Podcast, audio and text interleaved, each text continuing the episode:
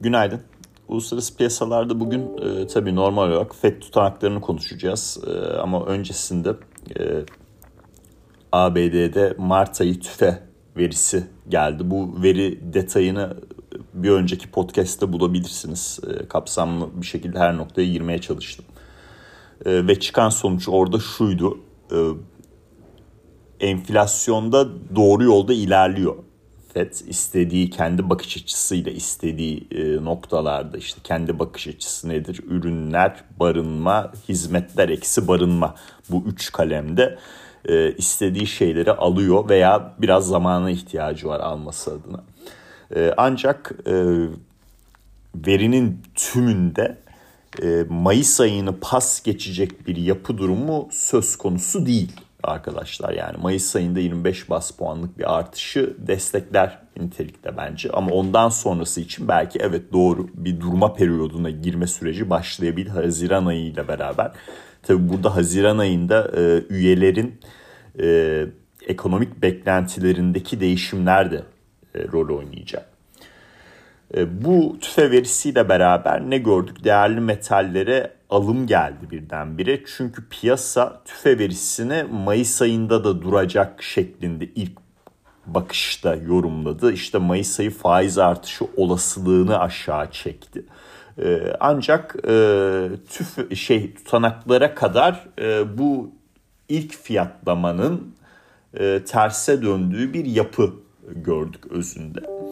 E, tutanaklar tarafına geçecek olursak yani sabaha kadar konuşabiliriz. Dün geldikten sonra hepsini okudum. E, burada çok değerli e, dipnotlar da var açıkçası. Dip bilgiler de var baktığımızda. Yani dipnot şeyde paylaşımda bir dipnot olarak da söylemiyorum. önemli dip bilgiler var. Yani içerisine gidip cümle cümle baktığımız zaman. benim aktaracağım şey şu arkadaşlar. En kısa özeti tutanakta 43 defa bankacılık kelimesi kullanılmış. 8 tane de belirsizlik, uncertain kelimesi kullanılmış. Şimdi bu Mart ayı toplantısı bankacılık e, likidite krizinin en böyle yüksek hissedildiği zamanlara denk geliyordu. E, dolayısıyla e, burada ekonomik aktivite istihdam ve enflasyonla ilgili olarak bu durumu e, yarattığı riskleri e, ölçebilecekleri bir zaman dilimi yoktu. Özünde Fed'in ve diğer hükümet, e, diğer devlet kurumlarının e, attığı adımları beğendiklerini yazıyorlar. Ama gerçek etkiyi, bu gerçek etkide kredi lerin işte e, tüketicilere, işlere, iş sahiplerine verilmesi, kredi standartlarının gidişatı.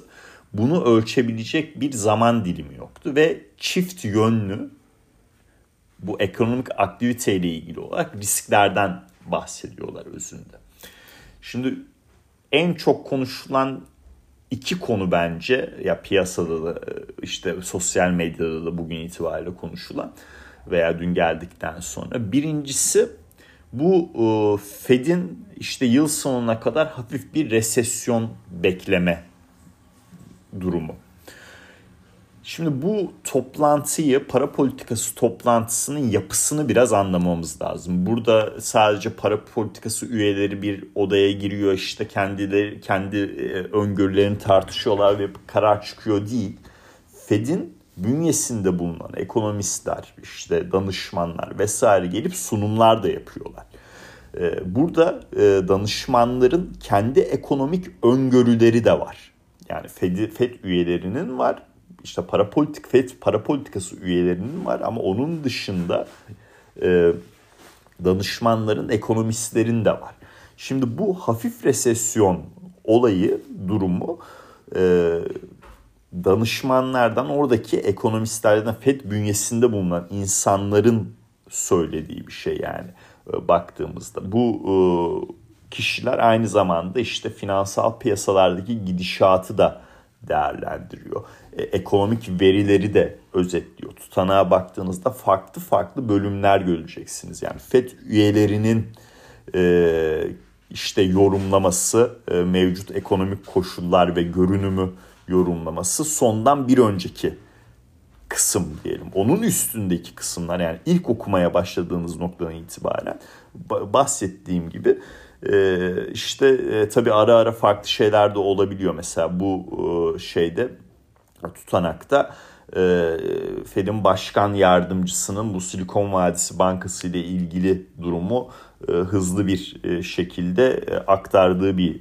nokta da var vesaire. Neyse. Orada hafif bir resesyon durumu bas senaryo olarak belirtiliyor artık. Daha önceden hani hafif bir resesyon olabilirdi, olmayabilirdi noktası değerlendiriliyordu. Ya bu açıkçası çok şaşırtıcı bir şey değil arkadaşlar. Yani dinliyorsanız eğer ben e, FED durma noktasından sonra mesela S&P performanslarını e, geçmiş sıkılaşma döngülerinde özetlediğim o tabloda daha, daha doğrusu Bloomberg'un çok güzel hazırladığı ve benim onu aktardığım tabloda 3 ay ile 6 aya odaklanalım şeklinde yorum yapıyordum. Çünkü ondan sonrasını görebilmek çok kolay değil. Orada bir resesyon durumu olabilir. E, tahvil piyasasından da buna buraya sinyaller var şeklinde yorumluyordum. E, faiz indirimleri konusunda da işte bu e, bankacılık e, likidite krizinin en tepe yaptığı noktalarda bile yani en iyi ihtimal e, yıl sonuna doğru görürüz e, şeklinde değerlendiriyordum. Ya yani bunu destekleyen bir tutanak yapısı var. E, ama şunu e, atlamayalım arkadaşlar. Yani Fed üyeleri e, hem para politikası üyeleri hem de geniş kapsamda işte bütün e, Fed üyeleri zamana ihtiyaçlarının olduğunu vurguluyor. Yani bu kredi koşullarındaki gidişatı ölçmek ölçmeleri lazım. Nasıl evrilecek bu durum? Oradaki finansal koşullardaki sıkılaşma nasıl olacak? Bunlar önemli yani e, benchmark e, finansal koşullar e, ana gösterge finansal koşullar endekslerinin bu kredi yapısını çok iyi kapsayamadığından bahsediyorlar. Bunu Powell basın toplantısında da söylemişti. Bu tutanaklarda da var. Dolayısıyla orayı izleyecekler e, özünde. E, ama eğer bu durum olmasaydı, şimdi bir gelelim eğer Silikon Vadisi Bankası durumu olmasaydı, işte Silvergate olmasaydı vesaire. Bazı üyeler 50 bas puanlık faiz artışı isteyeceklerini belirtmişler. Bu önemli. E, bu durum yaşandığı için bu toplantıda pas geçelim, hiç faiz artışı yapmayalım diyenler olmuş. E, ama günün sonunda 25 bas puanda karar kırılmışlar. Çünkü neden? E, istihdam piyasasının gidişatını değerlendirdiklerinde e, yani Mart ayı toplantısında e, işte bizim geçen haftalarda bahsettiğimiz, geçen haftada bahsettiğimiz daha çok e, o soğuma kısmı, yavaş yavaş soğuma kısmı e, daha netleşmemişti. Dolayısıyla oradaki güçlü kısma e, vurgu yapıyorlar. Enflasyondaki duruma vurgu yapıyorlar. Yani istenilen yönde ama hala orada iş var. E, yapılması gereken, atıl, atılması gereken adımlar var noktasına getiriliyor. E, özünde e, 25 bas puanlık artış doğru bir karar. Şimdi bundan sonrasıyla ilgili olarak kredi taraflarını takip edeceğiz. Burada da bana bana en önemli, e, en yakın e, açıklanacak şeyler yarından itibaren bankaların açıklayacakları bilançolar ve bankaların öngörüleri olacaktır diye düşünüyorum. Major bankaların işte yarın JP'den, Citi'den, Wells Fargo'dan rakamlar alacağız. Bunu takip edeceğiz. Fed'in kredi raporlamalarını e, takip edeceğiz. Bankalardaki mevduat e, gidişatını takip edeceğiz vesaire. Ama özünde kredi koşullarını iyi anlamamız lazım. Buradaki gidişatın e, gidişatı ve e, bankaların e, hem e, çeyrekle ilgili gerçekleşen rakamlarını hem de önümüzdeki dönemle ilgili beklentilerini biraz daha iyi anlamamız lazım. Bu da önemli olacaktır. Eğer ki yani olumlu olan şey şu ABD'de 3 tane banka battı diyelim hani yani herkesin kullandığı dili kullanayım battı. Ancak ondan sonraki geçen süreçte Fed'in attığı adımlardan sonra yeni bir banka buna katılmadı. Şimdi bu önemli ve değerli bir şey.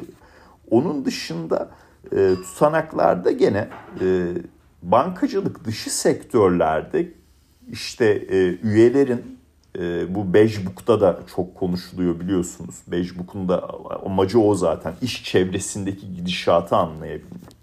Üyelerin bankacılık dışı sektörlerle olan kontaklarını yorumladıklarında e, kredi koşullarına ulaşımda çok ciddi bir sıkıntı yaşamadıkları Mart ayı toplantısında söyleniyor. Eğer eğer böyle bir durum e, o noktada deniliyorsa ondan sonraki süreçte ortam biraz daha sakinleştiği için e, bankacılık dışı işlerin krediye ulaşmasında da ciddi bir problem olur mu?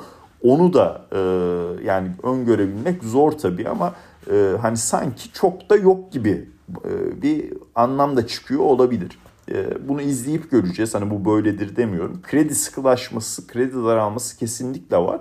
Ama e, çok ciddi ve sıkıntı yaratan bir boyutta mı sorusuna cevap bence mevcut durumda çok değil. Ama verilerle takip etmek daha da yararlı olacaktır burayı.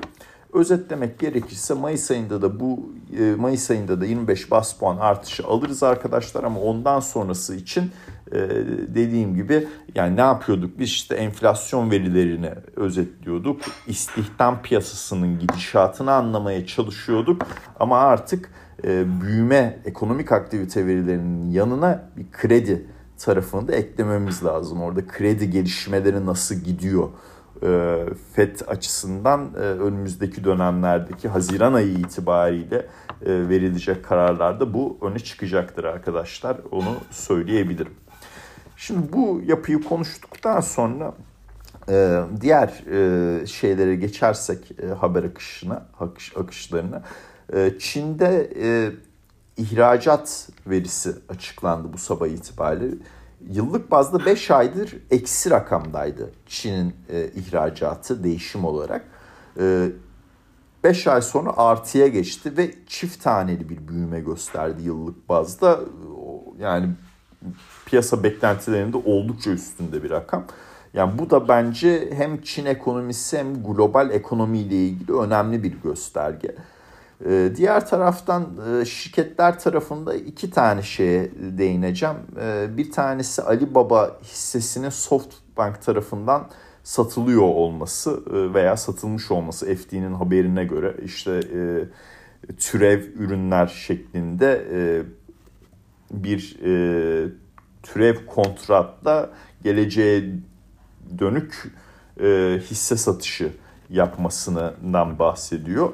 Ee, bu Alibaba hissesi üzerinde tabii Hong Kong'da satış baskısı yarattı. ABD'de seans sonrası işlemlerde bir miktar satış baskısı yarattı. Ama bu e, eğer Alibaba'nın e, işte şirket yeniden yapılandırmasını önemli bir değer olarak görüyorsanız ki ben öyle görüyorum. Bu durum e, piyasada bir alım fırsatı olarak değerlendirilecektir arkadaşlar. Diğer haber ABD'de havacılık sektörü. Yani dün çok ciddi satışlar vardı burada.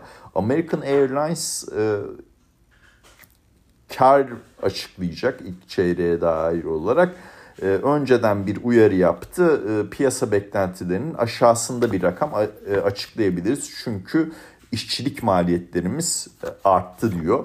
Burada talebe yönelik negatif bir şey demiyor. Bu önemli. E, yani atıyorum işte insanların e, uçak bileti alması tarafında, talep tarafında bir problemden bahsetmiyor. Maliyetlerinin yükseldiğinden bahsediyor. Ama gene de hisse %10'a yakın e, satış yedi. Yani bu sene e, e, baktığımızda hala sene başından beri değişimlerde artıda dolayısıyla yükselişin bir kısmını geri verdi. Bugün Delta Airlines e, rakamlarını açıklayacak. E, yani Delta eğer e, karlılık tarafında piyasayı tatmin ederse bugün havacılık sektöründe e, işte e, American Airlines nedenli dün oluşan satış baskısının bir miktar toparlanmasını e, görebiliriz. E, son olarak da şeyden bahsedeyim. E, bir tane Avrupa Merkez Bankası üyesi Mayıs ayında 50 bas puan artış yapabileceğiyle ilgili dün bir açıklamada bulundu. Bu tabii Avrupa'daki tahvil getirilerini yükseltti. Euro doları da 1.10 sınırına getirdi. Ya şunu söyleyeyim arkadaşlar. Bence Nisan ayındaki çoklu varlık fiyatlamaları daha çok Amerika tarafını anlamakla geçecek. FED tarafını anlamakla geçecek. Dolayısıyla Mayıs ayına dair hala bir %30'a yakın pas geçecek fiyatlaması var FED'e dair. Ee, ben bunu doğru bulmuyorum. Ee, bu e, gün geçtikçe %100'e e, yaklaşacaktır e, diye düşünüyorum. Dolayısıyla hani Euro dolarda da 1.10 sınırındayız. Ama gene de ilk hareketin ilk başta aşağı yönlü olması daha sonra net bir yükseliş e, yaşamamız e, bana daha mantıklı geliyor. Altın ve gümüşte de bundan bahsetmiştim. E, işte bu faiz artışı beklentimden ötürü yani gümüş gerçekten iyi gidiyor bir şey diyemeyeceğim. 25-50'leri vesaire gördük. Ya bu sabah itibariyle 25-40'lardayız. Altında yani 2000'in altına inemiyoruz. 2000-2020 arası sıkıştı o bölgede e, işlem görüyor. E, yani ben açıkçası beklentilerimi bu noktada değiştirmiyorum. E, işte yarın bankacılık bankalardan alacağımız bilançolar ve ABD perakende satışlar verisi önemli olacaktır. Perakende satışlar verisi eğer beklentilerin üstünde gelirse arkadaşlar dolar güçlenir altın ve gümüşte bir miktar e, satışlar endekslerdeki gidişatta olumlu yönde devam eder. S&P 500'de 4200 hedefim devam ediyor. Dinlediğiniz için teşekkürler. Herkese e, mutlu günler dilerim.